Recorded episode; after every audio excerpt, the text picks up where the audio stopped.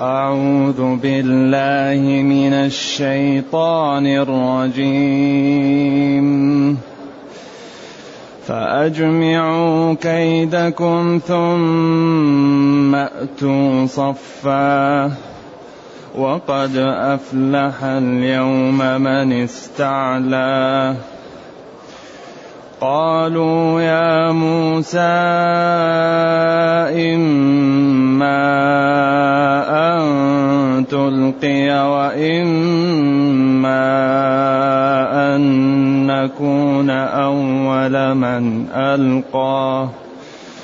إما أن تلقي وإما أن نكون أول من ألقاه. قال بل ألقوه. فإذا حبالهم وعصيهم يخيل إليه من سحرهم فإذا حبالهم وعصيهم يخيل إليه من سحرهم أنها تسعى. فأوجس في نفسه خيفة موسى. قلنا لا تخف. قلنا لا تخف إنك أنت الأعلى. وألق ما في يمينك تلقف ما صنعوا. وألق ما في يمينك تلقف ما صنعوا. إنما صنعوا كيد ساحر. إنما صنعوا كيد ساحر ولا يفلح الساحر حيث أتاه. فألقي السحرة سجدا قالوا آمنا برب هارون وموسى. قالوا آمنا برب هارون وموسى. قال آمنتم له قبل أن آذن لكم. إنه لكبيركم الذي علمكم السحر. فلأقطعن أيديكم وأرجلكم من خلاف ولأصلبنكم في جذوع النخل ولتعلمن أينا أشد عذابا وأبقى قالوا لن نؤثرك على ما جاءنا من البينات والذي فطرنا. فاقض ما أنت قاض. إنما تقضي هذه الحياة الدنيا إنا آمنا بربنا ليغفر لنا إنا آمنا بربنا ليغفر لنا خطايانا وما أكرهتنا عليه من السحر وما أكرهتنا عليه من السحر والله خير وأبقى. الحمد لله الذي أنزل إلينا أشمل كتاب وأرسل إلينا أفضل الرسل وجعلنا خير أمة أخرجت للناس. فله الحمد وله الشكر على هذه النعم العظيمة والآلاء الجسيمة والصلاة والسلام على خير خلق الله وعلى آله وأصحابه ومن اهتدى بهداه. أما بعد فإن الله تعالى أيوه فأجمعوا كيدكم. فأجمعوا فأجمعوا كيدكم. همزة محقة أو همزة وصل الجمهور قرأوا فأجمعوا وقرأ أحد القراء فاجمعوا. إما أن تكون همزة وصل من جماعة أو همزة محققة من أجمع. نعم رباعي. ثم أتوا صفا أتوا مصطفين مجتمعين بعضكم يقوي بعضا وقد أفلح اليوم من استعلى. أفلح دخل في الفلاح. والفلاح هو أن يأمن الإنسان مما يخاف ويدرك ما يرغب فيه. وهو الفوز. الفلاح هو الفوز. ولذلك يقول تعالى فمن زحزح عن النار وأدخل الجنة فقد فاز. قد أفلح المؤمنون. أيوة. لذلك ولذلك الفلاح أفلح يعني دخل في الفلاح. وهو أن يأمن الإنسان مما يخاف ويدرك ما يرغب فيه. وأصل الأفلح هو مقطوع الشفة السهلاء. والأعلم مقطوع الشفة العليا أظن. و و ولذلك يقول الشاعر ومذ أفلح الجهال أيقنت أنني أنا الميم والأيام أفلح وأعلم. الأفلح الذي تقطع شفتاه لا يستطيع أن ينطق بالميم.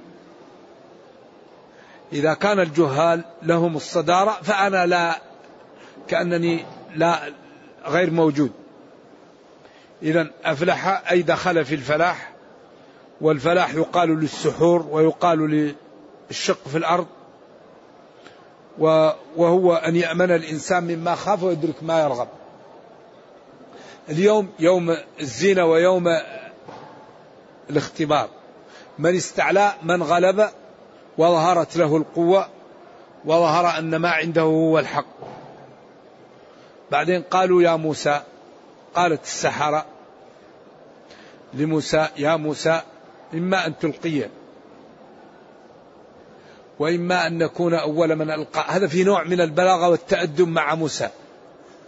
كأنهم لما قال لهم ويلكم لا تفتروا على الله كذبا فيسحتكم بعذاب ورأوا سمت ووضع أصبحوا يقولوا هذا ما هو ساحر بينهم هذا ما هو أسلوب السحرة وهذه ما هي طريق السحرة ولكن بعدين غلبهم محبتهم لأمورهم وقالوا إن هذان لساحران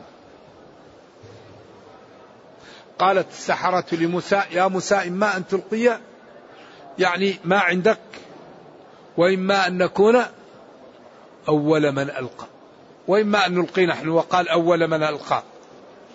يعني في نوع من الأدب.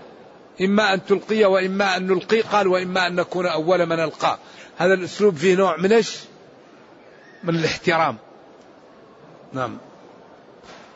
قال لهم موسى بل ألقوا أنتم. ألقوا ما عندكم.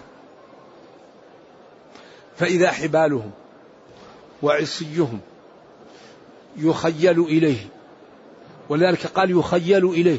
وهذا أكبر دليل أن كثير من أمور السحر لا حقيقة له. يخيل إليه. من سحرهم أنها تسعى. فإذا حبالهم وعصيهم يخيل إليه إلى موسى وإلى الحضور أنها تسعى أنها تمشي. قيل في الإسرائيليات أخذوا الحبال والعصي وطلوها بالزئبق. فلما طلعت الشمس واحترت بدأ الزئبق يجعلها تتحرك. فصار الذي رآها يظنها تتحرك والذي يتحرك الزئبق الذي طليت به. وقيل إنما كان ذلك في أعين الناس. سحروا أعين الناس. نعم. فعند ذلك أوجس في نفسه خاف موسى. يعني أضمر في نفسه خيفة. صلها خيوفية. خيوفية. ولكن قلبت الواو خيفة. موسى. قيل موسى خاف أن الحضور يظنون أن هذا حق فلا يؤمنون به فيكفرون فيقعون في الورطة خاف من هذا. وهذا الذي يدل عليه فهم موسى ويدل عليه علمه ورسالته. أوجس في نفسه خيفة موسى أن الناس الحضور يغترون بهذا ويكون سبب في منعهم من الإيمان فيقعوا في الكفر والضلال. وقيل غير ذلك وهو مرجوح. قلنا لا تخف. اطمئن لا تخف. إنك أنت الأعلى لذلك رسل الله دائما هم الأعلون وإن جندنا لهم الغالبون. يعني جندنا ما هو جند الشهوة ما هو جند الشيطان جند الله هو الغالب. لذلك إذا أمرت الرسل بالقتال لا بد أن تكون العاقبة للرسل. لكن في أول الأمر يكون الحرب بين الرسل وبين من كذبهم سجال. لكن العاقبة لمن؟ للرسل العاقبة للمتقين. وأكبر دليل على ذلك قال فيقتل أو يغلب. فجعل الغلبة قسيم للقتل وقال وإن جندنا لهم الغالبون والمقتول ليس بغالب. لكن يمكن يفوز يمكن ينال الشهادة. إذا ولذلك وكأي من نبي قاتل معه ربيون قتل معه ربيون هذا استدلال أعم مما هو في محل ما نريد. لأن يعني هنا فيه إشكال. كيف نبي قتل معه ربيون؟ أي قاتل أو قتل ربيون لكن ليس في محل المعارك. كزكريا ويحيى قتلتهم ما يهود. لكن إذا أمر الرسول بقتال أعدائه لا بد أن يسلم وتكون العاقبة له. وقد سبق أن قلنا إن أصول النصر في مسألتين. أن نستقيم على ديننا وأن نعد ما نستطيع ولو عصى.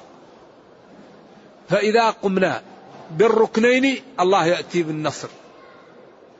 ذلك قال أوفوا بعهدي أوفي بعهدكم.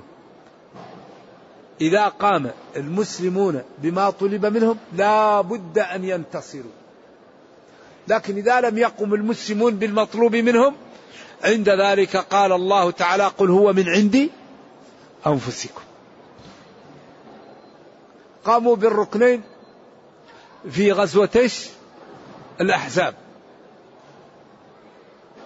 الأحزاب جاءت قريش وغطفان وهوازن والأحابيش وجاءوا من فوق المدينة ومن أسفلها حتى وصف الله ما حصل للمسلمين وقال جاءوكم من فوقكم ومن أسفل منكم. وإذ زاغت الأبصار وبلغت القلوب الحناجر من شدة الخوف. هنا قام المسلمون بالركنين. الركن المعنوي قولهم هذا ما وعدنا الله ورسوله وصدق الله ورسوله وما زادهم إلا إيمانا وتسليما. الركن الثاني حفر الخندق. أكبر سبب في ذلك الوقت حفر الخندق. وأكبر سبب معنوي وما زادهم إلا إيمانا وتسليما الباقي ما هو عليكم. أنزل الله الملائكة والرياح وهزم الأحزاب وامتن على المسلمين وقال جل وعلا يا أيها الذين آمنوا اذكروا نعمة الله عليكم إذ جاءتكم جنود. فأرسلنا عليهم ريحا ريحا عظيمة وجنود أقوياء لم تروها. إذا من من من ينصر بالملائكة والرياح ينبغي أن يمشي العبد على ما طلب منه على ما شرع له حتى تأتيه الرياح وتأتي الملائكة وتنصره ويأمر ربه الرياح أن تنسف أعداءه وتقلعهم من الأرض وتأتي الملائكة وتخوفهم. إذا قال موسى بل ألقوا. ف فإذا حبالهم وعصيهم يخجل إليهم. من سحرهم أنها تسعى. شدة سحرهم أنها تسعى. فأوجس في نفسه خيفة على هؤلاء حتى لا يبقوا على الضلال وعلى ما يغتروا بهذا الفساد. قلنا له قال الله له لا تخف إنك أنت لا أعلى وألق ما في يمينك. قال ألق ما في يمينك. اختلف العلماء هنا. قالوا ما في يمينك هذا لتحقيرها وأنها عصا صغيرة ضعيفة حتى مشروم رأسها. القول الثاني ألق ما في يمينك أنها معجزة عجيبة غريبة. قيل ما في يمينك للتعظيم وقيل للتحقير. وعلى كل فهو أمر عجيب. تلقف تبتلع ما صنعوا. إن ما صنعوا كيد ساحر. إن الذي صنعوه مكر وخديعة وكذب ودجل ساحر. بعدين قال ولا يفلح الساحر. حيث أتى هنا وقفة في هذا المكان شوية. بعدين على طول يقال إن كبير السحرة في الإسرائيليات كان كفيف أعمى. فقال لهم هل العصا تبدن هذه العصا كل الموجود من الحبال والعصي ابتلعته وأرادت أن تبتلعهم هم ويعني تغير الوضع والناس انزعجوا وأصبحوا في خوف ورعب لا يعلمه إلا الله فقال كبير السحرة هل هل العصا تبدن؟ قالوا لا. قال هذا ليس من السحر.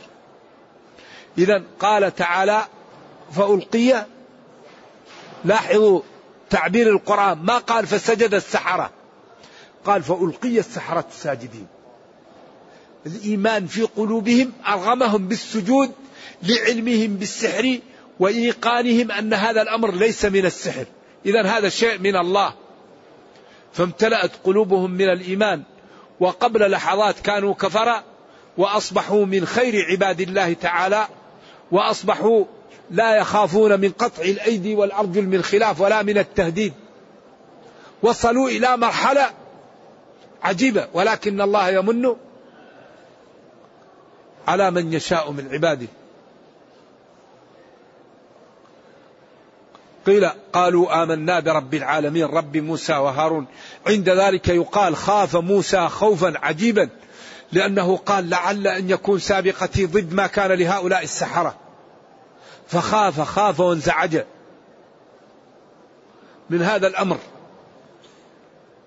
لأن هؤلاء الذين كانوا سحرة أصبحوا في لحظة عين إيش؟ من خير عباد الله. إذا القرآن قال فألقي ما قال فسجدوا. فلما هددهم فرعون وقال لأقطعن أيديكم وأرجو يد من جهة ورجل من جهة حتى يضعف من الجهتين. ولأصلبنكم في جذوع النخل لأنها فيها حراش وفيها كرانيف. فالصلب عليه مزعج. ولتعلمن أينا أشد عذابا وأبقى. عذابي أم عذاب رب موسى؟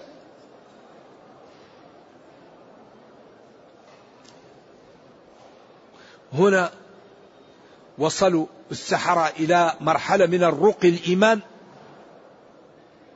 كبيرة. قالوا لن نؤثرك لن نقدمك. ولن نختارك. على ما جاءنا من البينات. وعلى ما جاءنا و وعلى الذي فطرنا. وعلى الذي أوجدنا. أو لن نقدمك على ما جاءنا من البينات. والله والذي فطرنا تكون قسم. إذا يمكن لن نؤثرك على ما جاءنا من البينات وعلى ما جاءنا من الذي أوجدنا فطرنا.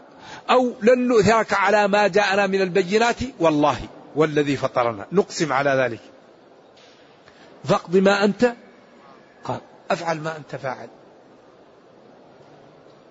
إذا نحن في هذا العصر أهم شيء نعمله أن ندخل الإيمان في قلوب الناس. لأن الإيمان إذا جاء في القلب صاحبه يحصن نفسه ويبذل لدينه ولأمته ويبتعد عن المعاصي وعن الشهوات وعن الشبهات. أهم شيء في هذا العصر أن أن ندخل للناس إيش؟ نحاول أن نقنعها بالدين. فإذا اقتنع الإنسان بالدين وعلم أن هذا دين صحيح عند ذلك لا يهمه ويكون أهم شيء عنده رضا الله. لذلك قال العلماء ولا يفلح الساحر حيث أتى. هنا بحث طويل كثير وقد تعرض له الوالد رحمة الله عليه في هذا المكان في سورة طه وتعرض للسحر وقال إنه كفر بدليلين. الدليل الثاني هو قوله ولا يفلح. لأن التعبير في القرآن بلا يفلح يدل على الكفر. سياق القرآن يدل لا يفلح على الكفر. الأمر الثاني الآيات التي تشير إلى أن تعلم السحر كفر.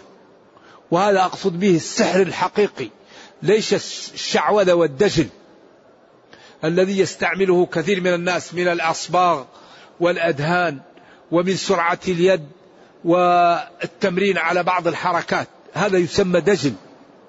أما السحر الحقيقي فصاحبه لا بد من صرف حقوق الله للشياطين.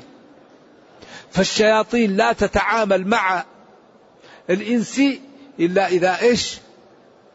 إلا إذا صرف لها حقوق الله. عند ذلك تساعده وتعاونه فيكون تعاطي السحر كفر. ولذلك على التحقيق أن ما التي هي في سورة البقرة أنها موصولة. واتبعوا ما تتلو الشياطين على ملك سليمان وما كفر سليمان ولكن الشياطين كفروا يعلمون الناس السحر ويعلمونهم ما أنزل على الملكين على أصح التفاسير. اختيار الوالد وابن جرير قبله. وإن كان القرطبي وابن كثير خالفوا لكن هذا الذي يدل عليه. بدليل قوله تعالى وما يعلمان من أحد حتى يقولا إنما نحن فتنة فلا تكفر. ولذلك ابن كثير رحمة الله عليه لما جاء لهذا ألجأه الدليل فقال على سبيل السخرية. لأنه ما استطاع أن يوجه الكلام إلا بنوع من التأويل فقال على سبيل السخرية. لأن واتبعوا ما تتلو الشياطين على ملك سليمان وما كفر سليمان.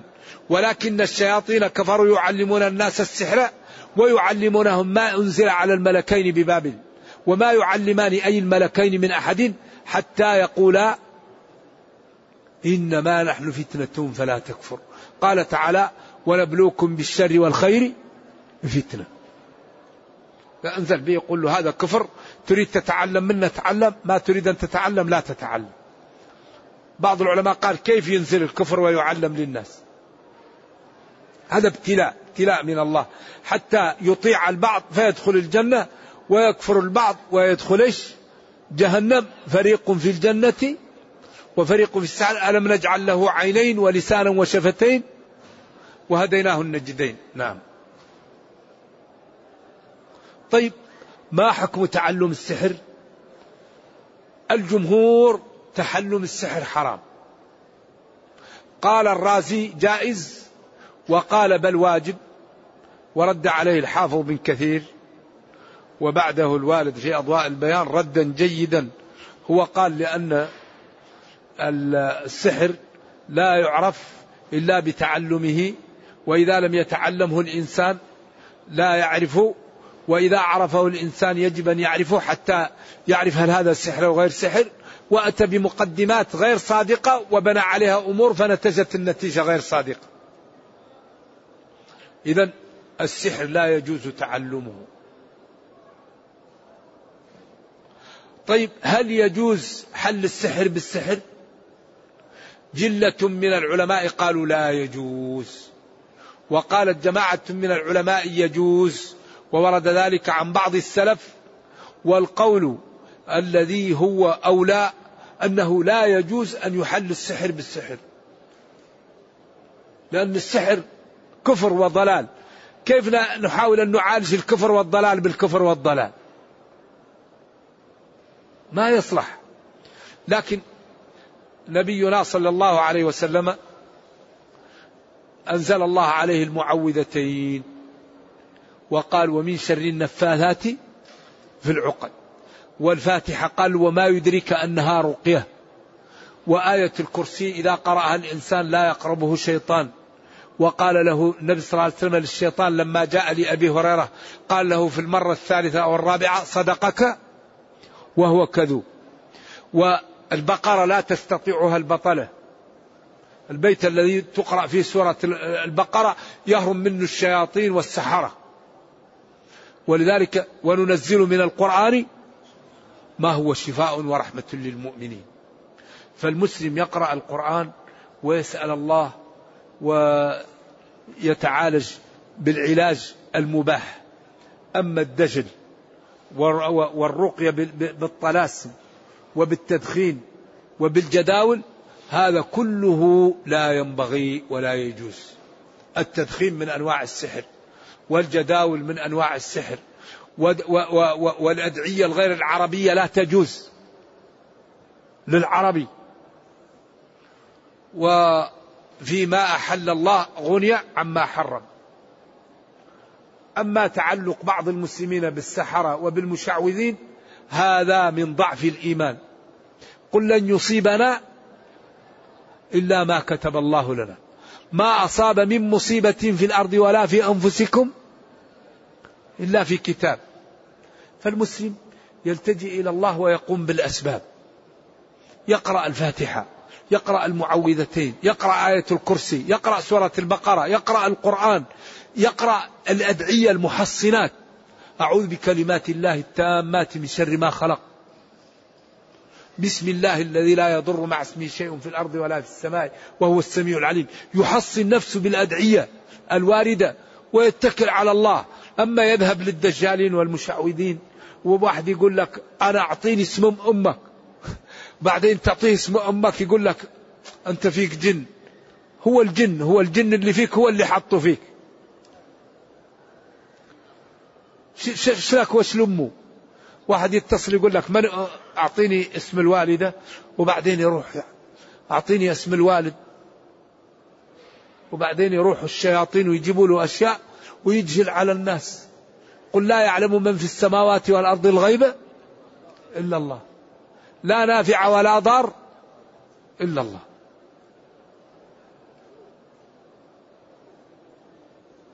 لذلك العبد لا لا يستعمل أبدا إلا المباح. والله جعل في الحلال غني عن الحرام. أيوه فينبغي الرقية الشرعية مباحة. ولا يمكن واحد ينكرها لكن الرقية الشرعية. أما يروح يدخل لي الدخاخين؟ لا. يعمل لي جداول يعمل لي مربعات يعمل لي ضرب في الأرض. هذا كله مشكل. ادعوني أستجب لكم. من مرض يصلي ركعتين ويقول يا رب نسألك الشفاء. يقرأ الفاتحة والمعوذتين ينفذ. يذهب للطبيب ويكشف عليه ويتعالج ويسأل الله العافية. يستعمل العسل وزمزم. الحبة السوداء شفاء من كل داء إلا السام يخرج من بطونها شراب مختلف ألوانه. فيه شفاء للناس. يعني جعل الله لنا كثير أشياء مباحة نتعالج بها. أما السحرة والمشعوذين والدجالين هذا لا يأتيهم العاقل أبدا. وأي واحد يقول لك أنا أعرف مرضك أعرف أنه إيش؟ ما عنده تحاليل ما عنده كشف ويقول لك أنا أعرف مرضك أنت فلان عمل لك. شو دريك وفلان قال لك وفلان عمل لك. هذه أمور أقل ما فيها أن نحدث. إذا أردنا أن أن أن ننصف نقول هذه فراسة قد تكون كاذبة. إذا أردنا أن ننصفه ونحسن به الظن نقول هذا فراسة قد تصدق وقد تكذب. أما إذا أردنا أن نسيء ظن نقول هذا دجال هذا إنسان يتعاون مع السحرة مع الشياطين يبقى يجهل على الناس. لذلك كل شيء حرمه الله ما جعل علاجنا فيما حرم علينا. ومع ذلك ديننا دين يسر ودين السهالة ودين السماحة. كل شيء يضطر له المسلم أبواب الأمام مفتحة. لكن بشرط إيش؟ أن تضطر. الميت حرام إذا اضطررت كل إلا ما اضطررتم إليه. وما جعل عليكم في الدين لكن الله لا يخفى عليه من هو في حرج ومن هو في غير حرج. إذا يقول قالت السحرة لفرعون بعد أن التهمت العصا ما عندهم من الحبال والعصي وأرغمهم الإيمان على السجود فلما هددهم قالت السحرة لفرعون لن نؤثرك ونختارك على ما جاءنا من الحجج والبراهين والله الذي فطرنا لن نقدمك. فافعل ما أنت فاعل. افعل ما تشاء. إنما تقضي هذه الحياة الدنيا. قل متاع الدنيا قليل. انظروا إلى الإيمان كيف يفعل في النفوس. لذلك نحن في حاجة إلى جرعات إيمانية تخلي الواحد منا يشتغل لدينه ولأمته. يتحرك. هؤلاء سحرة بالأمس. اليوم يقطع أيديهم وأرجلهم يقولوا لن نؤثرك لن نختار. اقضي ما أنت قاض. إنما تقضي هذه الحياة.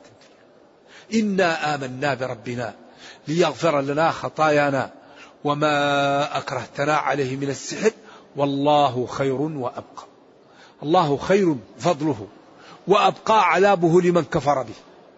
أما أنت فأمرك زائل ولا بقاء له وما عندك مضمحل أما عند الله هو الباقي والدائم فلن نؤثرك على ما عند الله. آمنا بالله وافعل ما أنت فاعل. واختلف العلماء فقيل هل قتلوا أو لم يقتلوا؟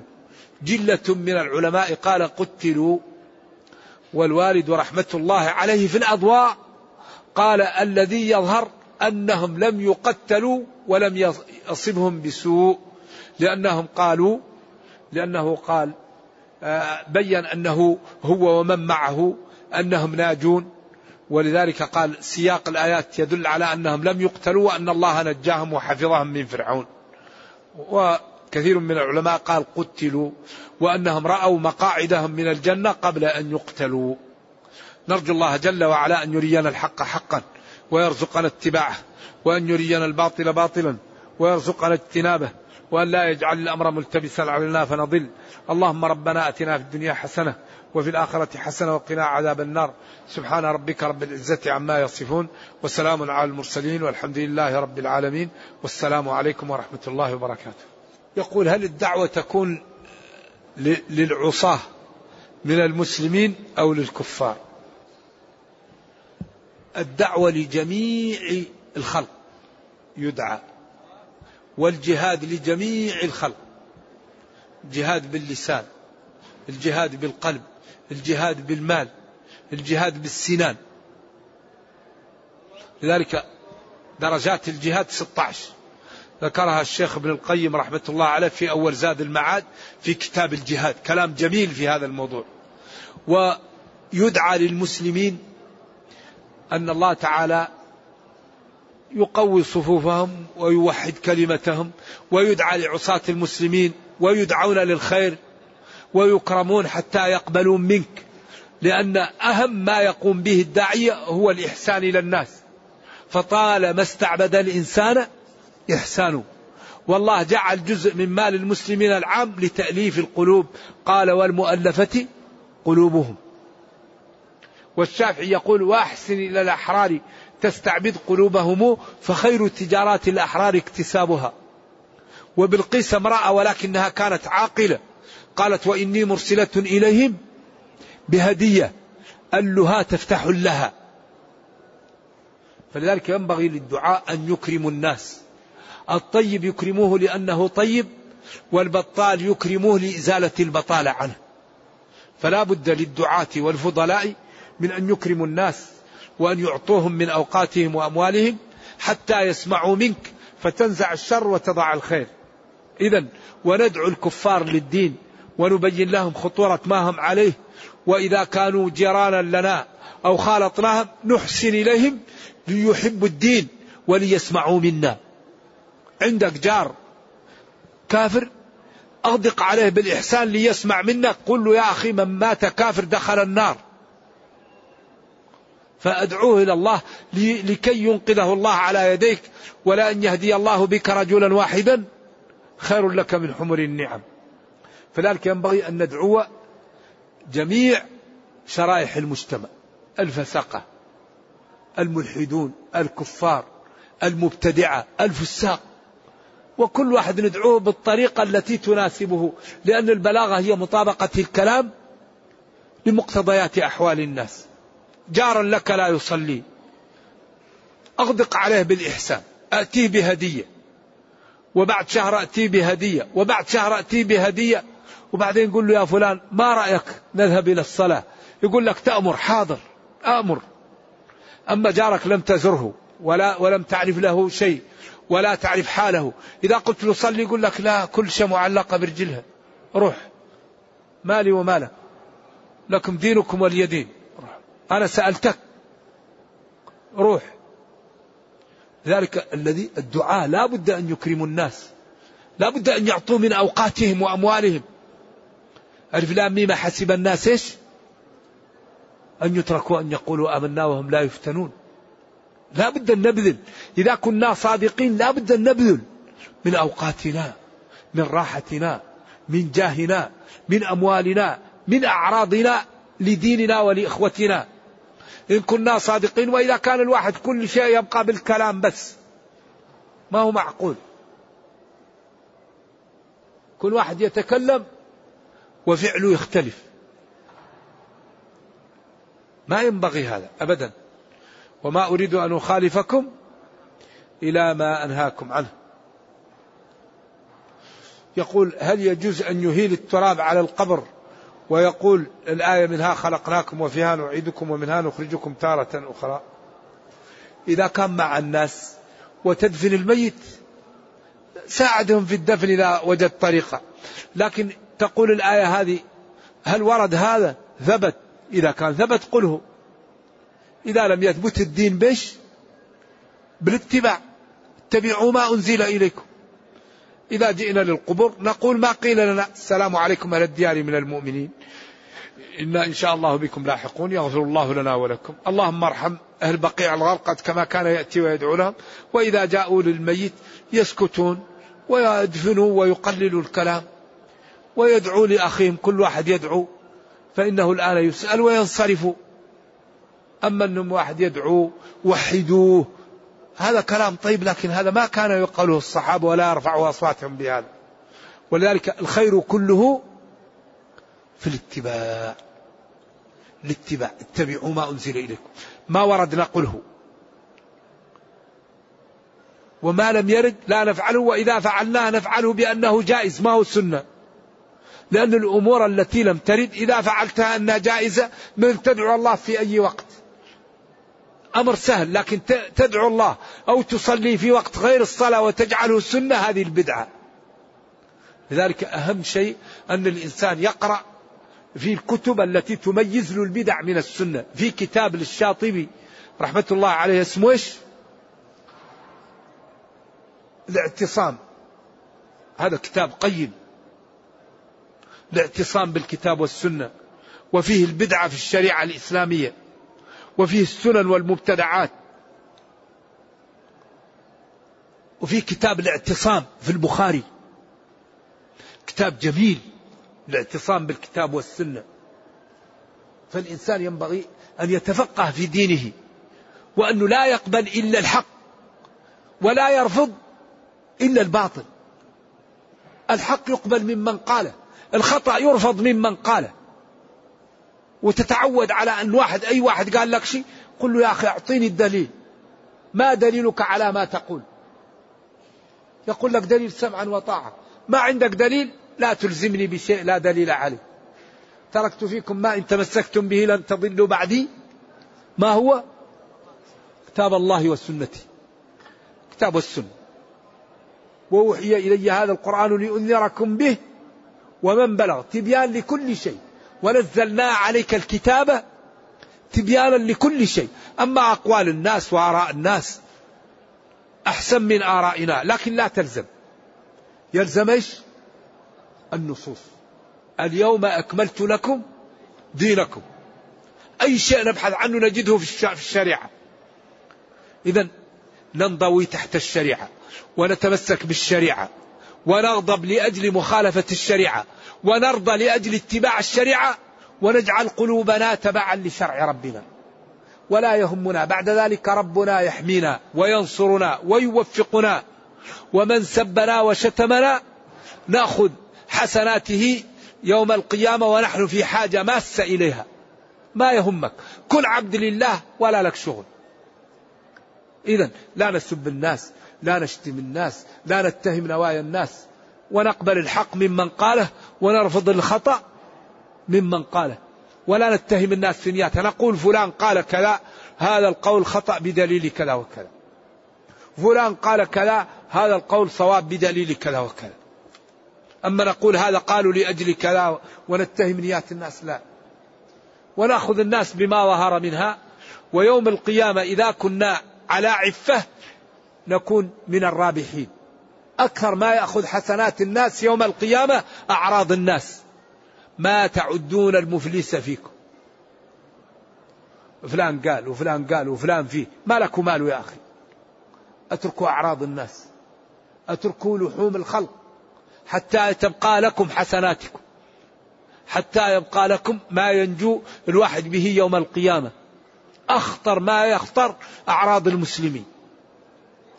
ما لكم مال الناس. من عمل صالحا فلنفسه ومن أساء فعلها كل امرئ بما كسب رهين.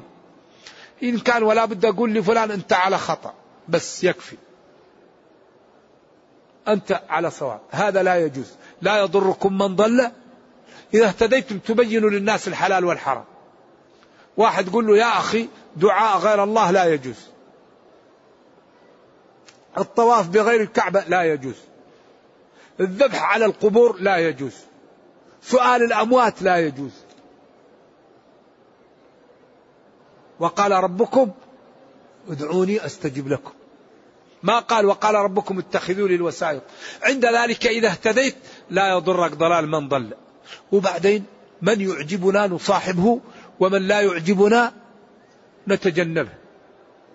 ربنا هل سمعت قال سبوا فرعون سبوا هامان سبوا قارون. الله ما تعبدنا بسب الكفرة فلا نسب المسلمين. نترك الناس. وإن كان ولا بد رأينا واحد قال كلام خطأ نقول فلان قال كذا وهذا القول خطأ بدليل كذا وكذا. بس. قال في كتابه كذا صفحة كذا كذا وكذا وهذا القول باطل بدليل كذا وكذا. أو في شريطه في محاضرته أو درسه قال كذا وكذا وهذا القول خطأ بدليل كذا وكذا. نرد الخطأ ونترك عنا الناس. نرجو الله جل وعلا أن يرزقنا وإياكم التقى.